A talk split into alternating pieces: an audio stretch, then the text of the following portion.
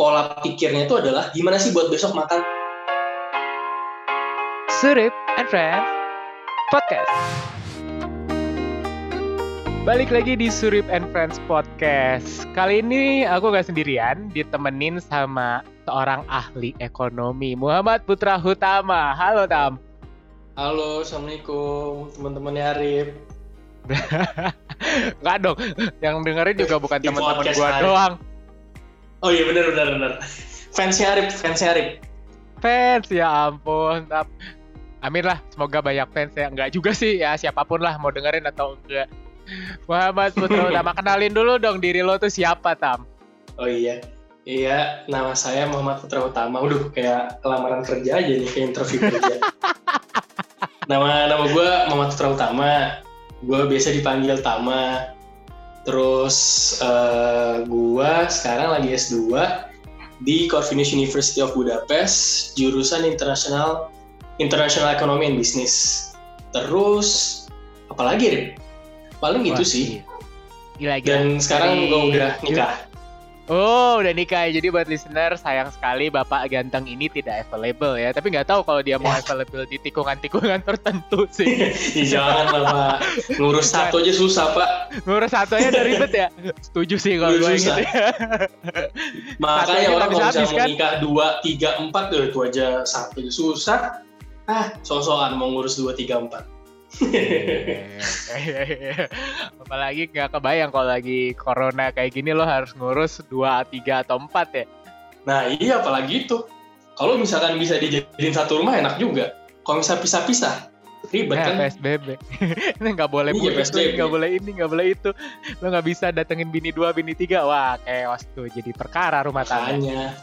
Bener, makanya satu aja deh. Udah, cocok itu. Wah, nanti gue di telepon lagi.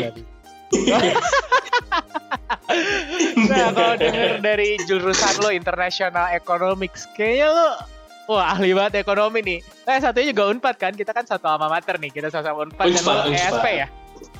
Gue SP. ESP. We are one, we are one. Pembangunan. Oh ekonom banget. Em, udah siap nih kayaknya kalau balik buat jadi Menteri Ekonomi di 2024. Insya Allah, kalau apes-apes Oh, jadi menteri lah katanya. Oh mantap. Sekarang aja kan gitu sudah, kalau sudah menjabat kan di PPI Dunia sebagai komisi eh, ketua komisi ekonomi ya. ya itu juga betulan pak sebenarnya diajakin ya udah dia mau tapi emang sebenarnya di komisi ekonomi seru sih anak-anaknya dan kebanyakan juga yang lebih eh, rata-rata kalau misalkan anak eh, di komisi lain tuh S1 ya S1 S2 kalau di komisi ekonomi tuh ada lengkap gitu loh Rip. ada S3-nya ada S3 itu ada berapa orang? empat orang S2-nya itu ada empat orang juga malah S1-nya itu enggak ah, oh S1-nya enggak ada malah jadi benar-benar S2 S3 jadi ya gitu deh nambah ilmunya banyak Keren banget dong ya. Berarti kolaborasinya cukup oke. nih. eh ada S1 ada satu orang sorry sorry Ada. ada satu orang Ada. ada Oh, ya, berarti Dari Rusia. kolaborasi banget dong ya. Bener satu satu dua tiga Keren banget. Dan karya lo juga udah udah oke menurut gua kayak kemarin baru beres Belum, champion Buset. kan. oh iya alhamdulillah baru beres Sukses, kan? bisnis alhamdulillah alhamdulillah insya Allah Oh, iya. anak-anaknya juga senang ngikutin acaranya dan improve gitu loh Rip sebenarnya nih dulu kan acaranya si Hadid ya Mm. dulu tahun pertama tuh dibuat sama Pak Hadid emang tujuannya untuk ngebuat apa ya pengennya tadi tuh pengen buat webinar tentang bisnis tapi kayaknya kurang gitu loh misalkan cuma buat webinar atau seminar online. Enakan tuh kita ngasih kurikulum gitu loh untuk pembelajaran orang tentang bisnis basic basic bisnis. Nah akhirnya kita buat kayak ada mentor gitu. Nah kalau yang sekarang eh, sama konsepnya dengan zamannya si Pak Hadid tapi lebih dikembangin aja. Jadi kita ada target outputnya apa? Kita target outputnya adalah proposal bisnis plan. Ah proposal bisnis itulah rencana bisnis kayak hitung hitungan bisnis dan eh, apa ya kayak outlook lu tentang bisnis lu bakal gimana. Terus Oh, kayak berarti sektor sampai- bisnisnya pun lebih disingkatin. Oh, oke. Mm. Berarti bisa sampai kayak bangun bisnis kanvasnya seperti apa dong ya?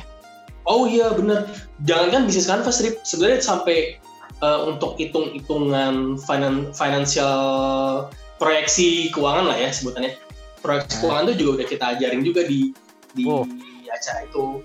Jadi emang udah, insya Allah sih udah siap dengan dengan pelatihan yang udah kita berikan gitu.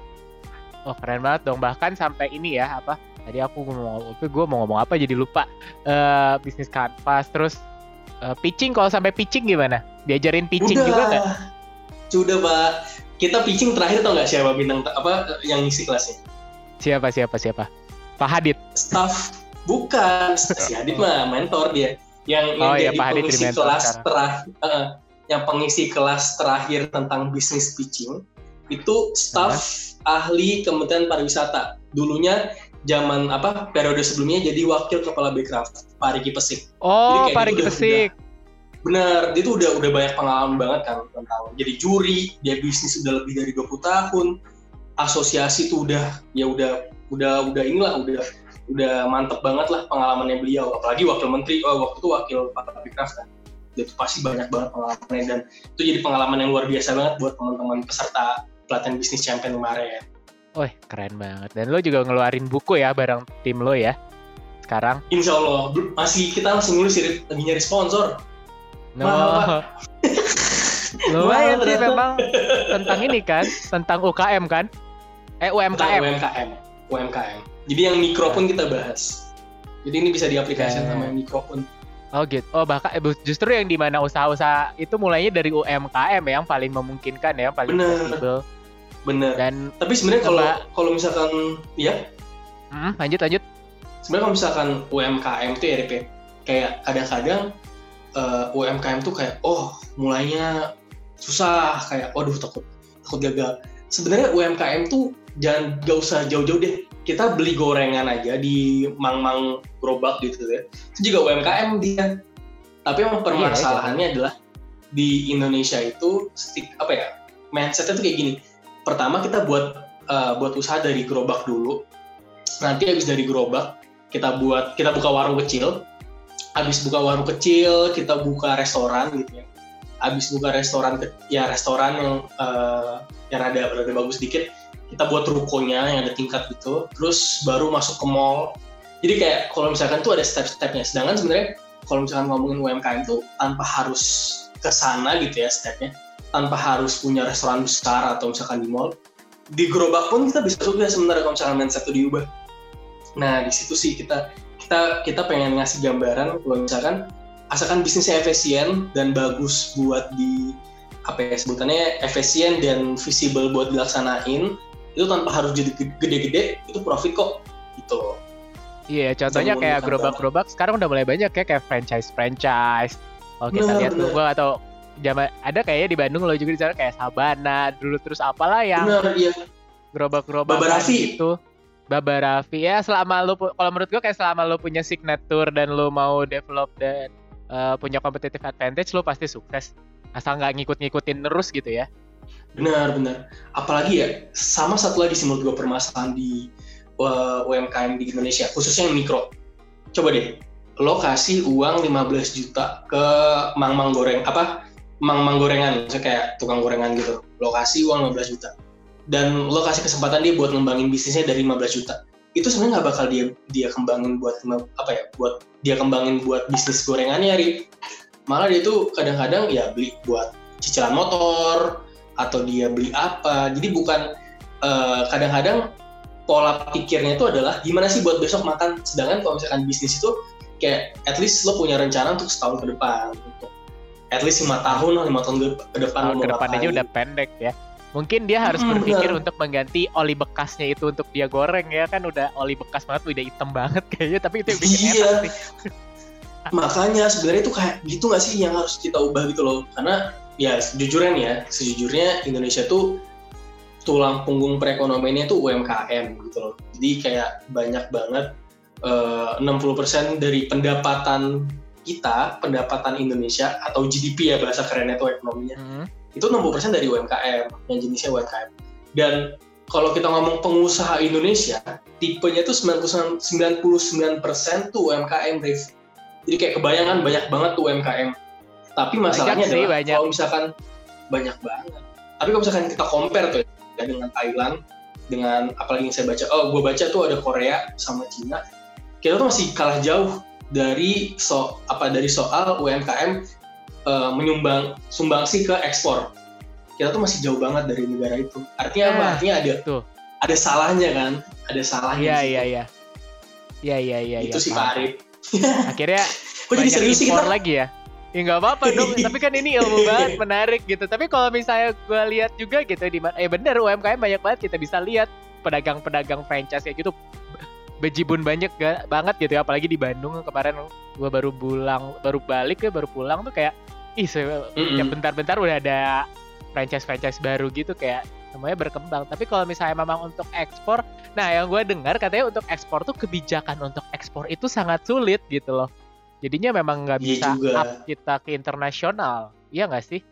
Sebenarnya sih bukan eh, menurut gue emang pasti adalah maksudnya yang yang harus diubah dari khususnya kebijakan untuk ekspor gitu ya. Misalkan eh, kesulitan apa ya kayak standarisasi segala macam. Tapi sebenarnya kuncinya itu emang si pelaku usahanya sih Rip, menurut gue ya. Sebenarnya eh, perannya pemerintah adalah membuka jalur gitu loh. Jadi dia cari kerjasama dengan negara-negara lain melalui kalau misalkan lo pernah dengar namanya eh, bilateral trade agreement. Jadi misalkan kayak gue pengen ngirim barang gue ke Amerika nih, terus katakanlah eh, tarifnya itu dengan eh, tarifnya di Amerika itu 8% gitu. Nah pemerintah tuh mengusahakan gimana caranya biar produk-produk Indonesia masuk ke Amerika atau ke negara lain tuh bisa 0% gitu loh.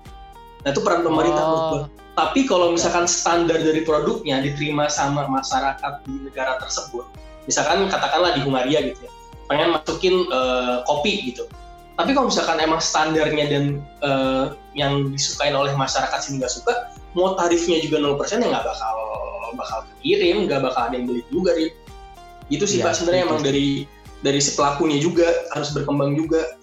ya mindset pelakunya juga ha- bukan hanya sukses di Indonesia tapi harus worldwide juga ya dan kayaknya itu cuma beberapa Benar. orang mungkin ya mungkin dari 100 cuma 5 kayak 5 aja mungkin udah bagus Iya bener, makanya dikit banget. Yang mendominasi kan emang perusahaan besar kan, corporate besar. Kayak Iya. ekspor apa, Astra gitu kan, otomotif, atau kelapa sawit, kita kan penghasil kelapa sawit. besar tuh, kelapa sawit. kayak Kala Group gitu ya yang banyak Mm-mm. banget eh, agriculture agri produknya agro produknya ya dan Sinarmas Bener. iya itu akhirnya yang bisa penetrasi pasar keluar ya kenapa ya Ap- apakah emang nggak ada gitu untuk UMKM dibantu ke arah sana ke arah sana sampai saat ini atau ada tapi emang orangnya aja nggak mau gitu Sebenarnya ada sih, emang sebenarnya ada, tapi emang mungkin kayaknya belum kalau kalau menurut gue ya belum kompetitif banget gitu loh. Jadi apa ya orang itu maksudnya nggak jarang banget yang yang bisa hampir semua orang tuh melakukan itu loh. Apa dan mindsetnya balik lagi ke mindsetnya pola pikirnya. Karena UMKM kita yang tadi gue bilang, gue nggak meng- mengkerdilkan atau mengecilkan pemahaman pola pikir UMKM ya, tapi rata-rata yang tadi gue ceritain, kadang-kadang yang khusus yang mikro atau yang kecil lah ya, itu mereka hanya berpikir gimana caranya untuk makan besok gitu loh. Jadi jualan sekarang untuk makan besok. Sedangkan tuh banyak banget loh untuk kolaborasi itu, apalagi anak-anak muda ya kayak kita sekarang. Kita Hmm. bisa buka jalan. Dan menurut gue sih emang berkembang terus sih, Rip. Jadi bukan bukan eh, yang sekarang tuh bukan makin turun gitu ya, UMKM sekarang yang makin makin naik ininya prospeknya Eh, apa banyak yang yang bisa jadi pelaku ekspor impor juga tapi masalahnya dengan ada covid sekarang ya mau gimana lagi pak udah udah mungkin mungkin juga sama aja udah turun-turun lagi kali ya Kacau Iya Covid. Ya, keok sih ya. Akhirnya kayak krisis global lagi kayak mungkin 2008 ada krisis, kita 98 kena krisis. Tapi sebenarnya waktu 98 dan 2008 UMKM justru penyelamatnya. Iya nggak sih? Correct me if I'm wrong. benar benar karena emang balik lagi Rip kalau misalkan lihat dari eh, krisisnya kalau 98 2008 kan tuh karena krisis keuangan kan dan itu Iya. penyebabnya juga awalnya dari US kalau krisis 98 kan krisis Asia gitu ya karena Thailand sama Indonesia lah rupiah dan ada politik kan kalau 98 ya. Misalnya itu Hmm. kita bicara ada politiknya juga. Dan itu emang eh, terjadi di hari itu atau di minggu itu gitu. Terus misalkan kerusuhan tetap dua hari ya mungkin ya berapa hari. Saya nggak tahu saya masih kecil gitu. Beres gitu. Kalau yang 2008 kita nggak terlalu berasa karena itu bangkrutnya dari eh, salah satu perusahaan besar di Hmm. US di Amerika. Namanya Lehman Lehman Brothers itu bangkrut terus efeknya ke yang lain-lain gitu ya perusahaan-perusahaan besar lainnya. Nah kalau ini balik lagi orang nggak bisa keluar pak. Orang sakit orang nggak bisa keluar. Yang jualan tadinya bergantung sama misalkan katakan dia baru bisa balik modal tuh kalau ada 100 pengunjung gitu seharinya. Tapi ternyata nggak bisa. Ya hancur Ya, jadinya. kurva BEP dia perang. berubah ya. Benar. Jadi kalau misalkan kita lihat strukturnya tuh ya struktur krisisnya ini tuh udah kayak perang. Jadi kayak cuma bedanya kalau perang tuh hancur infrastruktur. Kalau sekarang tuh enggak tapi ya nggak bisa ketemu Kesehatan. sama orangnya kesehatan udah. Makanya serem sebenarnya. Ya akhirnya balik Ya, lagi survive kreativitas aja. ya. Ya balik lagi ke Bener. bisnis plan-nya ya. Dan eh, set targetnya seperti apa. Kalau misalnya dia udah pernah punya set target ke arah eh, online atau e-commercing dan segala macam mungkin akan lebih mudah untuk dia shifting ke situ atau mungkin akhirnya memaksa dia untuk shifting ke situ. Akhirnya kalau gue lihat nih kayak banyak teman-teman gue yang kerja apa yang kerja di sektor-sektor tersebut kayak yang jualan-jualan kopi mulai jadi jualannya delivery tapi yang kopi seliter setengah liter kan jadi unik gitu loh sekarang. Ya akhirnya Benar, walaupun iya. itu banyak banget ini ya eh, yang ngikutin. Mungkin yang kayak gorengan-gorengan bisa dipadukan juga sebenarnya kalau misalnya dia bisa mengemasnya dengan lebih unik gitu. Sebenarnya bisa Rip. jadi kita apa pada berubah itu ke frozen gitu loh ke frozen food. Jadi kayak oh iya benar. tadinya ada teman gue juga Mm-mm. yang ber- akhirnya dia dari gerobakan dia lebih memutuskan untuk frozen untuk produksi frozen karena lebih safe mungkin ya. Benar jadi dan orang juga karena diem di rumah udah gue goreng-goreng sendiri lah atau manas-manasin sendiri. Target pasarnya dan akhirnya itu tahan lama kan? Mm-mm. benar dan resiko si penjualnya pun lebih dikit dikit ya karena nggak akan basi itu mungkin lebih resiko untuk basinya lebih lebih sedikit gitu karena bisa disimpan kan di kulkas atau gimana tapi yang paling yang nggak ketemu nih ya cara yang bisa beradaptasi dengan si covid ini Rip. khususnya UMKM yang eh, misalkan dia punya ada cerita teman gua di Lampung saudaranya itu ada yang punya ini bungalow atau nggak sih kayak guest house gitu Oh oke di dalam sektor pariwisata ya. pariwisata wah itu yang benar-benar hancur benar-benar hancur beberapa beberapa bulan ini awal tahun itu nggak ada nggak ada pengunjung sama sekali nah terus Sama sih. barber Itu sektor sektor paling hancur ya kayaknya sedunia ya kayak pariwisata itu, Itu hanya pariwisata udah paling hancur sih sebenarnya Uh, iya, sampai kayak Virgin banget. Airline kan dia sampai mau jual pulaunya itu. Mm-mm. jadi emang udah Iya. benar-benar parah kayak pariwisata emang udah paling kenal lah kita udah tahu emang emang orang nggak bisa bergerak tapi barber itu juga sama jadi kayak eh, potong rambut ada temen gue juga dia punya usaha eh, potong rambut. Itu juga nggak bisa dia harus tutup. Karena PSBB ya. Kalau misalnya di Indonesia kan katanya bahasnya PSBB ya. Ah ya PSBB. PSBB yang udah PSBB orang masih tetap aja farewell sama McDonald. Aja. eh itu nggak jelas itu. Gak paham lagi. aduh. Aduh. giliran giliran yang naik mobil sebelah sebelahan ditangkep ya. Dimarahin giliran kayak gitu nggak dibubarin lucu emang Aduh, padahal yang naik mobilnya serumah juga gitu kan. iya aduh Ya, gimana kalau naik Iya. mobil pickup masa ditaruhnya di belakang coba? nggak misalkan naik motor dari naik, naik motor itu masa mau ditilang juga naik motor Eh, iya makanya. apa Ada ojol gojek Gojek udah keok kan, tapi sebenarnya Gojek tuh masih Makanya. terselamatkan dengan GoFood dan segala macam. Sebenarnya kayak partneringnya aja udah sekarang makin oke gitu ya dengan adanya Gojek dan Grab yang dia udah punya Iya. apa eh, ke arah Go Market ya dan segala macam kan, yang Go Market Benar, lah, benar. apalah itu yang dengan GoFood dan sebagainya. Mestinya sih bisa lebih Benar. banyak kerjasama lagi, apalagi dengan fintech fintechnya mungkin sekarang udah kayak karena eh, ya orang nggak bisa datang dengan bayar langsung gitu tapi ya itu juga sebenarnya aku gue amazed juga sih tam kayak begitu gue balik ada tukang cilok yang digerobak dorong dorong bayarnya pakai GoPay kayak anjir nih iya emang canggih banget. keren sih menurut gue udah keren banget sih. Maksudnya Indonesia tuh kita emang yang untuk mengikuti teknologi gitu ya mem- memanfaatkan teknologi itu udah udah udah top lah. Seenggaknya itu udah top banget. Maksudnya sampai yang tukang gorengan. Pas gue juga balik gitu Rik, tahun lalu. Itu gue beli nasi uduk tuh ya di Lampung. Kan gue balik ke Lampung. Itu beli nasi uduk tuh udah udah ada scan barcode eh, GoPay. Kayak mereka tuh ngasih harganya tuh masih harga yang 8000 gitu loh nasi uduknya sedangkan kalau misalkan waktu itu ada promo-promo ya kayak 50% gue sampai ngasih tahu nih pak lihat nih. Harganya nasi uduk bapak tuh murah banget nih gara-gara GoPay kayak gue bilang udah pak naikin aja harganya biar untung-untung dikit gitu kan kayak gitu. Iya. Emang- eh jangan kan gitu ya emang keren sih. Gue juga kan makan nasi uduk tapi ya mak- makan makan pakai bebek dan segala macam terus gue bayar kan. Dia, si penjualnya Hmm. bilang ah bayarnya pakai OVO aja katanya. Soalnya dapat cashback 30% lumayan kan katanya kok Mm-mm. justru pak penjual yang nyuruh murahin harga? Kayak di situ gue lucu aja sih. Kayak oh gitu ya bu ya. Oh iya. Untung di situ gue udah ngerti pakai OVO wala- walaupun sebelumnya gue nggak ngerti ya dua hari lalu tuh gue kayak dua hari sebelumnya tuh kayak gue ke satu merchant terus eh nyuruh bayar pakai OVO gue kasihin handphone gue mbak gue nggak ngerti pakainya gimana gue dua setengah tahun gak balik. Udah tiba-tiba Indonesia kayak gitu kayak hello apaan nih? Gue kampung banget. keren kan sebenarnya? Coba di di Budapest aja belum kita di sini Iya belum ada kan ya scan barcode gitu. Eh apa udah ada ya? Tapi kita jarang sih karena pakai ini ya karena jarang pakai sih OTP tapi at gitu. least eh, udah lebih ke arah ininya lebih ini kali ya lebih paylessnya kali menurut apa cashlessnya kali yang Iya, lebih banyak. dan maksudnya semuanya terorganisir dalam bank. Kalau kita kan fintechnya bercampuran ke mana-mana gitu kan tidak terarah. Kalau menurut gua sih gitu kali ya.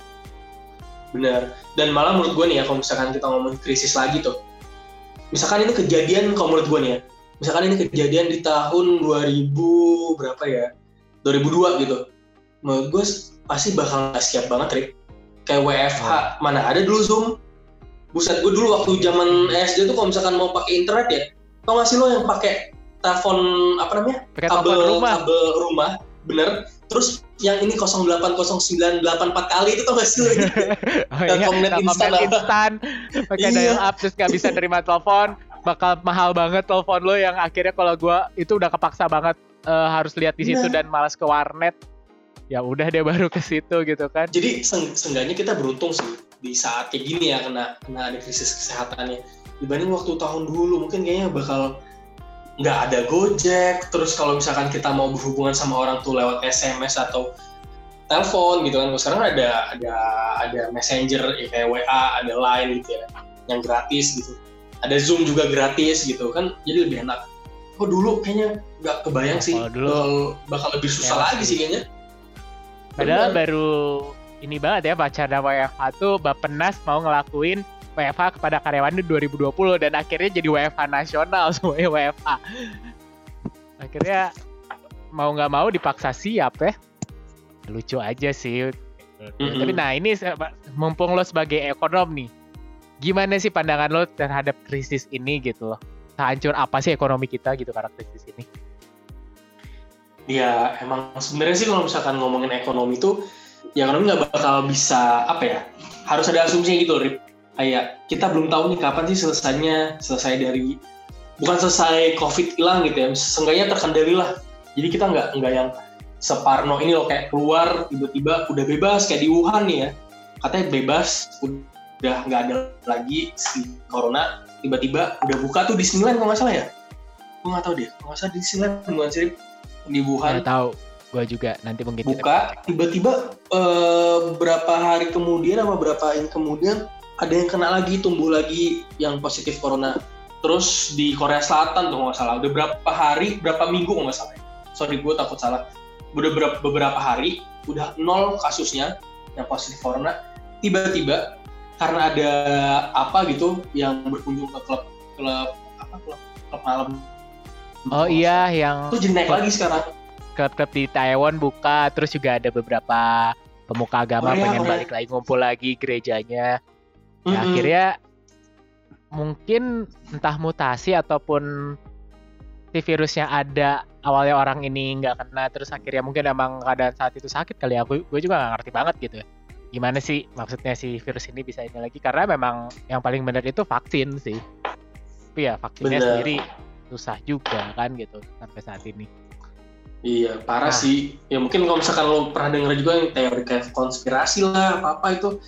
Tapi ya kalau misalkan ngomongin ekonomi, ya kita tuh pertama ekonomi itu yang balik lagi adalah dari ekspektasi orangnya. Itu itu yang salah satu salah satu apa ya sebutannya ya. Kayak harga saham nih ya, harga saham pembentuknya dari ekspektasi si pembeli saham. Kalau misalkan wah ke depan nih bakal profit bakal turun nih perusahaan ini. Orang pada jual ya bakal turun kan harga sahamnya.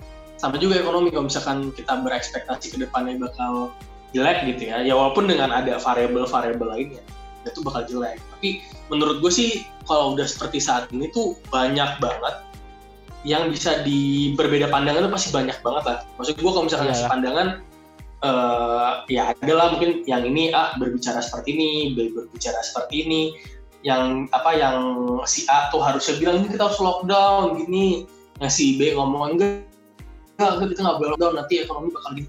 Ya sebenarnya ada ada plus minusnya sih antara dua itu. Karena ya, ya gimana ya, kayak kita lihat di mana sih yang negara lockdown, Amerika kan lockdown juga kan. Sampai sekarang pun dia masih yang tertinggi gitu. Jadi nggak nggak ada yang tahu pasti gimana cara yang pas, cara yang paling benar untuk nanggulangin si corona ini. Bahkan dari sisi ekonominya, karena masih belum bisa kebaca gitu loh ini arahnya ke mana ini arahnya ke mana. Makanya kan banyak juga nih yang dilakukan oleh pemerintah yang gue tahu kan ada relaksasi bunga bank, terus uh, apa peringanan pajak, baik pajak penghasilan, penghapusan pajak penghasilan, atau pajak si apa perusahaannya terus uh, ada juga yang ada juga yang dikasih bantuan prakerja kartu prakerja itu kan ya terlepas oh. dari uh, sisi ini ya Rip ya pro ya. apa pro pra, and consnya pro kontranya dan ya. praktek di bawahnya bener. seperti apa ya bener itu juga kan ya kadang-kadang juga yang gue lucu tuh ada aja misalkan kayak ini tuh dari dari mana sih yang kemarin tuh kalau nggak salah bupati mana gitu ya di Jawa yang dia itu sebenarnya itu sebenarnya hand sanitizer bantuan Kementerian Kesehatan. Tiba-tiba diganti dong sama dia si stikernya. Gambar apa foto oh, pakai muka dia itu ya yang katanya itu salah tukang stiker nempelin. Itu kocak banget sih itu kacau itu sih. kocak banget Rip menurut gua. Kayak gimana ya? Bisa kayak gini masih image jadi ada orang yang mikirin makanya masih aja ada orang yang berpikir untuk seperti itu. Maksudnya kayak ya belum tentu lo masih hidup gitu. Karena ini kan orang tuh nggak kenal nggak pandang bulu ya. Jadi mau dia ber, bercitra seperti apa pun dia pemilihannya kapan ya masih belum tahu masih wasalam kan rada lucu sih menurut gue kadang-kadang ya pilkada aja masih tanda tanya nih katanya diundur Desember apakah akan iya. ada atau enggak juga nggak ngerti juga mungkin juga sudah seharusnya KPU Zoom. Pilkada lewat Zoom. Kampanyenya lewat Zoom. Jadi mungkin udah harus dipikirin juga sama KPU untuk pemilihan secara online gitu ya. Benar, benar sih. Yang kayak PP Hungaria lakuin aja, Rik. Kemarin kan iya. Pak Arif yang jadi ininya, jadi ketua komisi pemilihan umum ya. Oh, iya, iya. Bukan ketua, Pak. Kita semua anggota. Oh iya, semua anggota, semua anggota. Iya, maksudnya ya tapi itu dengan menggunakan yang simple gitu ya. Sebenarnya menurut gue dan gue juga waktu kemarin itu PPLN juga gitu kalau ngomongin pemilu ya memang sudah hmm. seharusnya untuk bisa di shifting gitu dengan beberapa skema-skema tertentu dan memang akan ada dan yang lebih untuk R&D-nya tapi ya harus dimulai. Kalau nggak sekarang apa lagi sih? Dan sebenarnya yeah. dengan teknologi yang sekarang sudah bisa lebih murah kok gitu. Dan berapa persen sih sekarang warga yang buta teknologi? Menurut gue kayak sampai kampung aja udah pada pakai smartphone ya nggak sih? Bener bener. Orang yang anak-anak anak-anak bocah Rit yang dulu itu kok kita dulu kan main layangan ya tuh atau main bola gitu di lumpur. Sekarang anak, anak bocah main PUBG, anak-anak iya, bocah iya, di gang-gang kecil ya main PUBG. Main TikTok. yang di kampung kalau gue lihat TikTok yang sekarang sekarang ada banyak banget cabe-cabe cabe-cabean kali ya anak-anak yang dari kampung gitu. Ya ya maksud gue ya kalau dulu tuh nggak mungkin gitu loh hal itu ada kayak sekarang ada berarti kan ada teknologi udah nyampe sana mungkin ya paling berapa persen sih yang memang daerahnya susah banget teknologi gitu ya misalkan uh, sorry tuh saya kayak di Indonesia Timur gitu memang sampai saat ini mm -hmm. beberapa masih sulit gitu tapi menurut gue kayak bisa aja misalnya di kerjasama dengan tel, uh, inilah dengan misal kata-kata Telkomsel gitu ataupun beberapa partner komunikasi untuk nyediain uh, satelit dan uh, apa ya misalnya ada tempat teman umum di desa gitu jadi jadi semuanya online di situ gitu ya walau tapi kan at least di desa kan di sana lebih aman lah dibanding di kota kayak kita udah jelas Jakarta dan at least Jawa lah udah Jawa tuh udah kayak zona merah lah satu Jawa bisa dikatakan mungkin tidak tepat satu Jawa ya maksudnya Jawa tuh lebih zona merah dibanding pulau-pulau lain gitu bener kayak gitu bener sih Setuju gue, Rip. Iya kan? Dan chaosnya lagi Jawa tuh pusat ekonomi gitu sampai sekarang yang sebenarnya sudah harus kita bisa geser ke tempat-tempat lain. Pulau lain pulau, ya. Pulau lain. Jadi nggak. Kan pulau ini itu. juga nggak jadi kan pemindahan ibu kota katanya. Ya Udah mungkin resmi. entah diundur atau gimana ya. Mungkin dananya sekarang harus ke covid dulu kali ya. Kita lihat Enggak, gimana kalau salah, siap. Kalau nggak salah ya, gue tuh hmm. kemarin sempat baca deh kalau nggak salah ya kalau nggak salah Pak Jokowi itu udah menandatangani kalau misalkan Jakarta itu masih jadi ibu kota sampai tahun 2039 apa berapa ya? Nanti kita cek deh, Bang. Kalau nggak salah tuh masih apa jadi panjang gitu, jadi nggak nggak di zaman dia berubah gitu loh, jadi jadi oh, akhirnya jadi Oh dia benar 2039. Berarti kalau Tata ruang. 39 berarti 19 tahun udah masuk RPJMN kalau gitu. Rencana pembangunan Hmm, Jakarta benar. Tengah Nasional. Benar. Ya benar. memang harus masuk Eh, RPJMN dong, sih. bukan bukan RPJMN dong, Rip. RPJP ya, yang panjang. R- 20 RPJP tahun. 50 tahun deh kalau nggak salah tam. Enggak, enggak. RPJMN yang menengah tuh 5 tahun, Rip. Oh oke. P itu 20 tahun. Oh, oke. Iya maksudnya oke sih maksudnya kalau masuk RPJP at least RPJMN lah gitu ya. Tapi udah paling benar masuk RPJP karena emang tidak mudah membangun kota shifting dan segala macamnya akan membutuhkan proses panjang. Benar. Sih. kalau Itu COVID emang ini dengan krisis. Mungkin dengan krisis ini lebih tertunda. Nah, gue pengen tahu lagi nih perspektif lo mengenai apa yang dilakukan pemerintah nih untuk menstimulus terjadi eh, stimulus eh, ekonomi di masa ini udah oke belum sih? Apa aja sih yang dilakuin nih? yang kita tahu tadi yang udah gue bilang kan kalau misalkan yang pemerintah lakuin tadi eh, bantuan langsung tunai terus stimulus stimulus apa pok- pokoknya melalui stimulus itulah tadi uangnya untuk Hmm. prakerja bantuan langsung tunai yang memberikan cash ke masyarakat terbawah terus juga memberikan kartu prakerja itu kan pelatihan pelatihan terus ngasih bantuan juga orang yang kena PHK terus eh, melakukan untuk dalam sektor bisnis tuh pemerintah juga melakukan relaksasi bunga. Terus juga pemerintah juga berusaha nih dari BI juga sama nih menurunkan tingkat suku bunga. Pokoknya banyak lah kebijakan-kebijakan moneter moneter yang diambil. Dan pemerintah Hal- juga yang yang gue tahu juga sekarang itu juga lagi menyiapkan dana juga nih untuk pemulihan. Tapi belum ini ya kemarin saya ngelihat ada eh kemarin gue ngelihat ada storynya salah satu anggota DPR yang saya follow juga lagi membicarakan itu dari Komisi 11 itu sirip sebenarnya kalau dari pemerintah ya yang gue tahu. Kalau misalkan ngomongin efektif apa enggak balik lagi Rip sebenarnya kalau misalkan mau mengkritik tuh bisa banget. Mau kita kasih masukan tuh bisa banget gitu tapi menurut gue di saat kayak gini tuh kita eh, emang trial and error sih. Karena nggak ada yang tahu pasti apa yang harus dilakukan gitu loh. Jadi kita ya kita hanya melihat oh ini sesuai dengan teori ini. Atau ini sesuai oh ini pernah dilakukan seperti ini emang baiknya adalah seperti ini. Misalkan katanya orang kan orang pada bilang nih pada hoaxnya kan wah Indonesia mau mencetak uang. Nggak sesimpel itu Bambang. Gue mikirnya gitu. Nggak sesimpel itu. Nah itu mas mau ada hitung hitungannya Ya, Makanya cetak gua- uang ntar kayak 98 lagi. Chaos. makanya itu dari mana? Nggak kayak gitu konsepnya. Makanya gue aduh ya gitulah. Tapi kalau misalkan ngomongin efektif apa enggak implementasinya sih menurut gue kalau yang udah dilakukan pemerintah tadi melakukan kartu prakerja tuh oke oke banget. Ya memberikan bantuan untuk pelatihan memberikan cash untuk orang yang di PHK atau yang belum dapat kerja gitu ya tapi balik lagi implementasinya gimana sih misalkan melalui eh, pelatihan bisnis yang katanya lewat salah satu platformnya mantan staf khususnya presiden. Itu kan juga salah satu hal yang lucu ya. Maksudnya kayak gue kemarin buat acara pelatihan bisnis dia gratis bisa. Masa nggak mau sih digratisin juga gitu loh. ya walaupun emang banyak juga sih pegawainya ya butuh uang juga ya. Tapi maksudnya nggak sebesar sih. juga.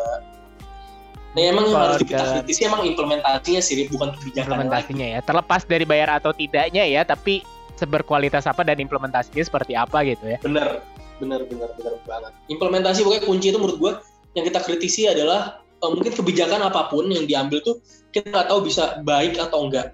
Yang harus kita kritisi adalah implementasinya yang saat ini sih. Kayak relaksasi bunga itu bener nggak sih semua orang merasakan yang tadi tuh bunga apa bunga eh, pembayaran utangnya jatuh temponya itu bisa diundur apa enggak? Dia bisa melakukan restrukturisasi apa enggak? Misalkan pajak itu semua orang nggak diambil pajaknya apa untuk sektor yang terdampak ya kan. Terus apakah BLT itu misalkan yang dijanjikan misalkan let's say berapa berapa kilogram beras apakah nyampe segitu? Apakah eh, tepat waktu? Hmm. Yang kayak gitu-gitu sih sebenarnya implementasi lebih bukan ke kebijakan ya malah. Kebijakannya menurut gue sih oke-oke aja yang dilakukan Ya. pemerintah. udah difikirkan lah ya untuk mengangkat kebijakannya. Nah, kayak kalau udah bosan hmm. banget kayaknya semua orang kalau misalnya dengerin apa sih yang harus dilakuin sekarang apa-apa tapi kayak ya udahlah balik lagi kita awasi dan kita kritisi implementasinya gitu kan paling utamanya kuncinya mm -hmm. nih. Tapi kalau misalnya what should we do next after the crisis gitu loh. Apa sih yang harus dilakuin gitu untuk recovery itu apa sih? Kebijakan seperti apa? Atau apa yang kita harus lakuin? Kebijakan moneter seperti apa? Gitu. Hmm. Sebenarnya kalau misalkan untuk uh, setelah pasca covid nih, maksudnya kalau udah terkendali itu seenggaknya pemerintah udah uh, ada tadi yang yang tadi yang gue bilang katanya itu ada pemulihan ekonomi program pemulihan ekonomi yang sebesar berapa ratus triliun kalau nggak salah anggarannya gue belum tahu pasti ya soalnya masih belum belum belum ada uh, publikasinya. Uh, maksudnya belum ketok palu dananya berapa. Kan tuh biasa kalau di masa anggaran kan harus ke anggota DPR ya. Dan itu hmm. masih prosesnya masih panjang. Uh, emang seharusnya nanti untuk pemulihannya ya balik lagi. Pasti ada subsidi dari pemerintah untuk si bisnis-bisnis ini. Terus uh, apakah nanti pemerintah buat program yang tadi pra, kartu prakerja, apakah bisa juga nih sebenarnya dari kartu prakerja ini untuk orang-orang yang telat ini bisa langsung disalurkan ke bisnis-bisnis. Terus misalkan pemerintah memberikan insentif baru untuk para pengusaha baru gitu. Pengusaha yang baru mau masuk, baru mau bermain di situ dikasih insentif ba, ba, apa dikasih insentif baik berupa mungkin insentif pajak atau misalkan dikasih bantuan modal gitu kan sebagai subsidi modal gitu dan kalau menurut gue sih ya pasti balik lagi kalau misalkan udah kalau udah kebijakan untuk recovery ya butuh anggaran yang besar gitu Rip. Iya. Dengan APBN kita yang hanya kurang lebih 2.500 T ya, mungkin at least minimal 10% persen -hmm. kali ya. Menurut lo berapa persen, Gue gak bisa bilang sih berapa persennya butuh di dari APBN karena pemerintah pun kan itu kue APBN kan udah banyak banget ya maksudnya untuk ke pendidikan udah, kesehatan udah, militer dan lain-lain. Tapi emang sebenarnya sih uh, berapa persennya itu nggak penting, tapi emang dari nilainya sih, Rit. Kalau kita compare-compare dengan negara-negara lain itu emang besar-besar ya, kayak Malaysia aja. Gue nggak tahu tepat ininya ya. Kemarin tuh gue sempat diskusi juga kok pernah ada ikut, uh, eh, gue jadi salah satu narasumber juga di acara sama COVID ini juga tentang COVID. Hmm. Kemarin gue megang PPT, ini sekarang gue nggak megang, nggak megang PPT jadi takut salah datanya. Itu kalau nggak salah Malaysia tuh berapa kali lipat anggaran untuk penanggulangan COVID. Di sini penanggulangan, penanggulangan COVID bukan hanya untuk ini ya, bukan hanya untuk uh, sektor kesehatan ya, sektor ekonomi juga maksudnya penanggulangan orang yang terdampak, terus uh, bang apa turunnya perekonomian itu juga dianggarin sama pemerintahnya. Mungkin Indonesia masih di bawah Malaysia gitu. Gue nggak tahu tepat uh, berapa ya ini persentase eh sorry berapa ininya jumlah uangnya tapi kita masih jauh di bawah Malaysia untuk anggaran penanggulangan COVID itu. Itu sih ya, sebenarnya. segede gini ya. Iya memang budgetnya Bener. pun terbatas. Memungkinkan nggak sih kalau misalnya kita menarik kerjasama dengan CS apa perusahaan-perusahaan besar dengan CSR CSR dan kayak gitu? Nah itu bisa banget tadi kan. Kalau misalkan kalau misalkan hal seperti itu ya baik lagi. Mungkin pemerintah bisa uh, melakukan apa namanya misalkan dari kartu prakerja tadi yang tadi yang tadi gue bilang kan bisa aja disalur-salurkan kepada si perusahaan-perusahaan besar. Bisa aja misalkan pemerintah menanggung 50% gajinya gitu ya dari anggaran. Agar menjadi apa ya menjadi insentif gitu loh bagi bagi perusahaan besar untuk merekrut orang-orang baru gitu. Kan kadang-kadang untuk merekrut orang baru kan tuh resiko juga ya Rip ya karena harus bayar bayar gaji. Ternyata kan takutnya nggak sesuai dengan ekspektasi hasilnya. Nah, mungkin pemerintah bisa bantu untuk bayar gaji dulu tuh. Itu kan dilakukan Jerman kalau nggak salah jadi Jerman tuh memba pemerintahnya membantu untuk menggaji karyawan-karyawan yang terancam PHK jadi biar nggak di PHK pemerintah menanggung dulu. Nah menurut gue sih itu yang bisa dilakukan sama pemerintah kerjasama dengan si perusahaan itu CSR itu. Tapi balik lagi pasti nanti akan ya siapa tahu nih apa yang yang gue saranin mungkin ke depannya nanti ada perubahan apa ada perubahan. Begitu sirip ya dengan variabel-variabel tertentu yang terjadi saat itu pasti akan ada hal-hal lagi mungkin ya, yang akan dengan asumsi-asumsi. Bener-bener banget. Kayak contoh dari bisnis. Mungkin bisnis yang kayak sekarang nih yang paling gue gue mau bicara lagi nih yang kayak IO aja event organizer atau wedding organizer udah hancur banget trip sekarang. Berapa banyak uang yang mungkin dia udah DP DP-in dulu? Si uh, misalkan kayak siapa gitu yang yang dekorasinya gitu udah di DP-in dulu mau nggak mau gimana caranya dia balik uangnya sedangkan udah dibayar gitu paling dari schedule jadi ya WO WO sekarang juga tuh juga kasihan tapi emang ke depannya sih kalau misalkan yang menurut gue ya ke depannya pasti standarisasi dari kesehatan tuh orang jadi jadi me, apa ya mengharapkan standar yang tinggi akan kesehatan. Artinya kalau misalkan mempunyai produk pun harus memiliki standar-standar kesehatan yang bagus. Misalkan lo punya laundry kiloan gitu, ya lo hmm. harus yang standar kesehatan yang bagus gitu. Misalkan disinfektan segala macem. Atau misalkan lo punya perusahaan apa namanya uh, gorengan gitu ya. Mungkin gorengannya nanti bakal naik harganya karena lo pas masak pun yang bakal pakai uh, sarung tangan terus kayak uh, masker gitu kan jadi orang-orang ya mungkin pakai oli bekas gak? Atau enggak? Ya pasti orang pasti bakal bakal kritis tuh apa kritis tuh kayak oh, ini olinya eh olinya lagi. Ini minyaknya gimana? Udah lama nggak apa segala macam. Jadi kayak ya orang-orang jadi lebih aware sama kesehatan. Mungkin itu juga jadi salah satu bisnis ke depan ya untuk perubahan apa iya, sih yang bakal dilakukan oleh si bisnis apa para pembisnis gitu Pak Arif akan selalu ada kesempatan intinya sih ya kayak gitu jadi tergantung Bener. gitu ya. Terakhir hmm. deh yang paling harus dibenerin ketika setelah selesai ini apa duluan? Maksudnya apa yang dibenerin? Sektor mana duluan yang harus bener-bener dibangun? Selain kesehatan ya jelas gitu. Hmm. Kalau menurut gua, ya UMKM dong. Maksudnya bisnis lah, bisnis uh, selain pertama kesehatan tuh emang ber, menurut gue sih nggak ada yang harus duluan ini duluan ini atau itu mungkin lebih ke arah prioritas mungkin ya. Misalnya yeah, perusahaan prioritas. apa dulu yang dibantu sama pemerintah gitu, perusahaan apa atau siapa sektor mana. Tapi menurut gue sih yang paling penting adalah mungkin prioritasnya adalah UMKM yang harus dibantu pemerintah. Karena UMKM pertama dia yang paling besar menyumbangkan uh, dia yang paling besar memberikan lapangan kerja untuk penduduk Indonesia. Itu pertama. Yang kedua, UMKM tuh ya tadi tulang punggung itu yang yang menopang si GDP kita atau pendapatan nasional kita itu ya si UMKM gitu loh. Secara simpelnya. Jadi menurut gua tadi kalau misalnya ngomongin masalah sektor, apa yang harus dibenahi khusus ekonomi ya, kita nggak bisa ngomongin sektor, mungkin sektor semua harus dibenahi pasti. Tapi yang paling yang harus dibantu adalah yang UMKM-nya dibandingin perusahaan-perusahaan besar. Begitu sih kalau menurut gue, Rick. Oke deh. Ya, nggak kerasa sih kayak kok ngobrol sama lo. Nah, kenapa sih? Apa nih? Gue mau nanya apa? dong. Apaan? Lo tujuan buat buat podcast apa sih, Rip? Tujuan buat podcast gue kayak pengen mewadahi aja sih uh, obrolan-obrolan teman-teman gue yang mungkin kayak punya seseorang apa punya teman yang susah untuk speak up tentang perspektif dia gitu ya mungkin hmm. uh, biar semua orang tahu gitu ada banyak perspektif di dunia ini dan baik lagi tadi bener tidak ada hal yang benar dan salah itu relatif tergantung ya ininya sendiri variabel apa yang dia pakai untuk mereka berpikir gitu dan gue pengen kayak semua perspektif tuh ya nggak ada yang salah dan benar tapi gue pengen mengajarkan kayak kalau lo ada banyak perspektif dan lo semoga bisa dewasa menerima banyak perspektif itu dan balik lagi yang harus diawasi adalah implementasinya bukan kebijakannya ataupun perspektifnya gitu. Ya kalaupun lo nggak setuju dengan perspektifnya Benar. ya silakan kritisi perspektifnya bukan lo menjadi tidak suka dengan orangnya sih aja sih. Benar benar benar. Tapi memang oke okay sih maksudnya kayak buat podcast podcast ini Rip ya. Jadi kita ngobrol tuh nggak ngobrol warung kopi gitu loh.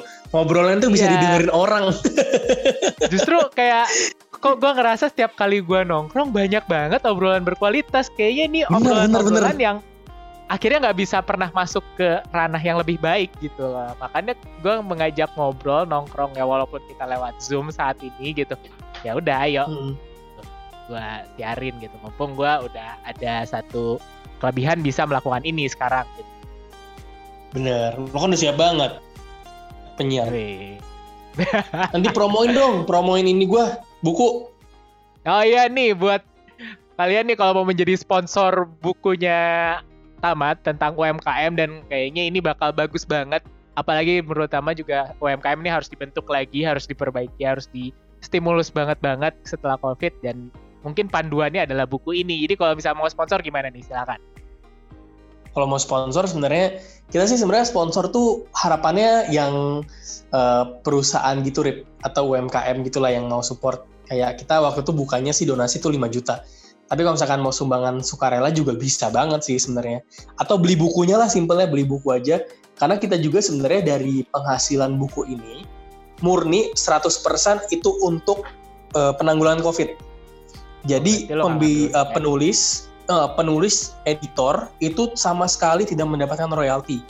Dan si yang yang kita keluarkan pembiayaan buku ini hanya untuk biaya desain dan biaya minimal cetak dari si penerbit. Cuma itu doang sih sebenarnya. Kalau mau dan kita emang rencananya juga pengen bagi-bagi gratis. Atau kalau mau sponsor gimana? bisa hubungin ke uh, apa namanya WA WA gua. Bisa banget ngomongin hmm. WA gua atau misalkan ada uh, sponsor yang kira-kira ini tam yang kayak oke nih perusahaan ini atau ini kayaknya bisa dibantu untuk dimasukin kisah suksesnya UMKM-nya itu bisa banget hubungin WA gue aja. Atau misalkan gue mau beli bukunya nih nanti kita bakal buka kok buku, apa kita penjualan bukunya akan insya Allah bakal lewat kita bisa.com jadi sekalian kita misalkan dia mau beli dua gitu satunya untuk disumbangin ke remaja masjid gitu. Itu bisa banget karena kita akan membuat program itu sih. Kayak ada giveaway juga jadi ada yang bayarin nanti kita uh, giveaway um, ada charity lagi juga uh, ada charity ada lainnya ya selain covid juga udah charity tapi charity-nya banyak banget. Jadi nanti nanti gue taruh nomor WA-nya Tama di di deskripsi bisa dikepoin atau mungkin ada Instagramnya atau apanya bisa ngepo-ngepoin lebih gitu. Oh Instagram buku UMKM-nya belum ada kebetulan Rip. Oh, okay. tapi kalau misalkan teman-teman mau kepo-kepo bisa lewat PPI apa namanya Instagramnya PPI Dunia sih. Oh gitu. Oke nanti ada di deskripsi Instagram PPI Dunia sama yang paling penting WA-nya Ketua Komisi Ekonomi, Pak Tam Pak Muhammad Putra Utama ini. Wih, mantep. Oke, segitu aja emang ngobrol sama lo gak akan ada habisnya sih. So, lanjut lagi di episode selanjutnya.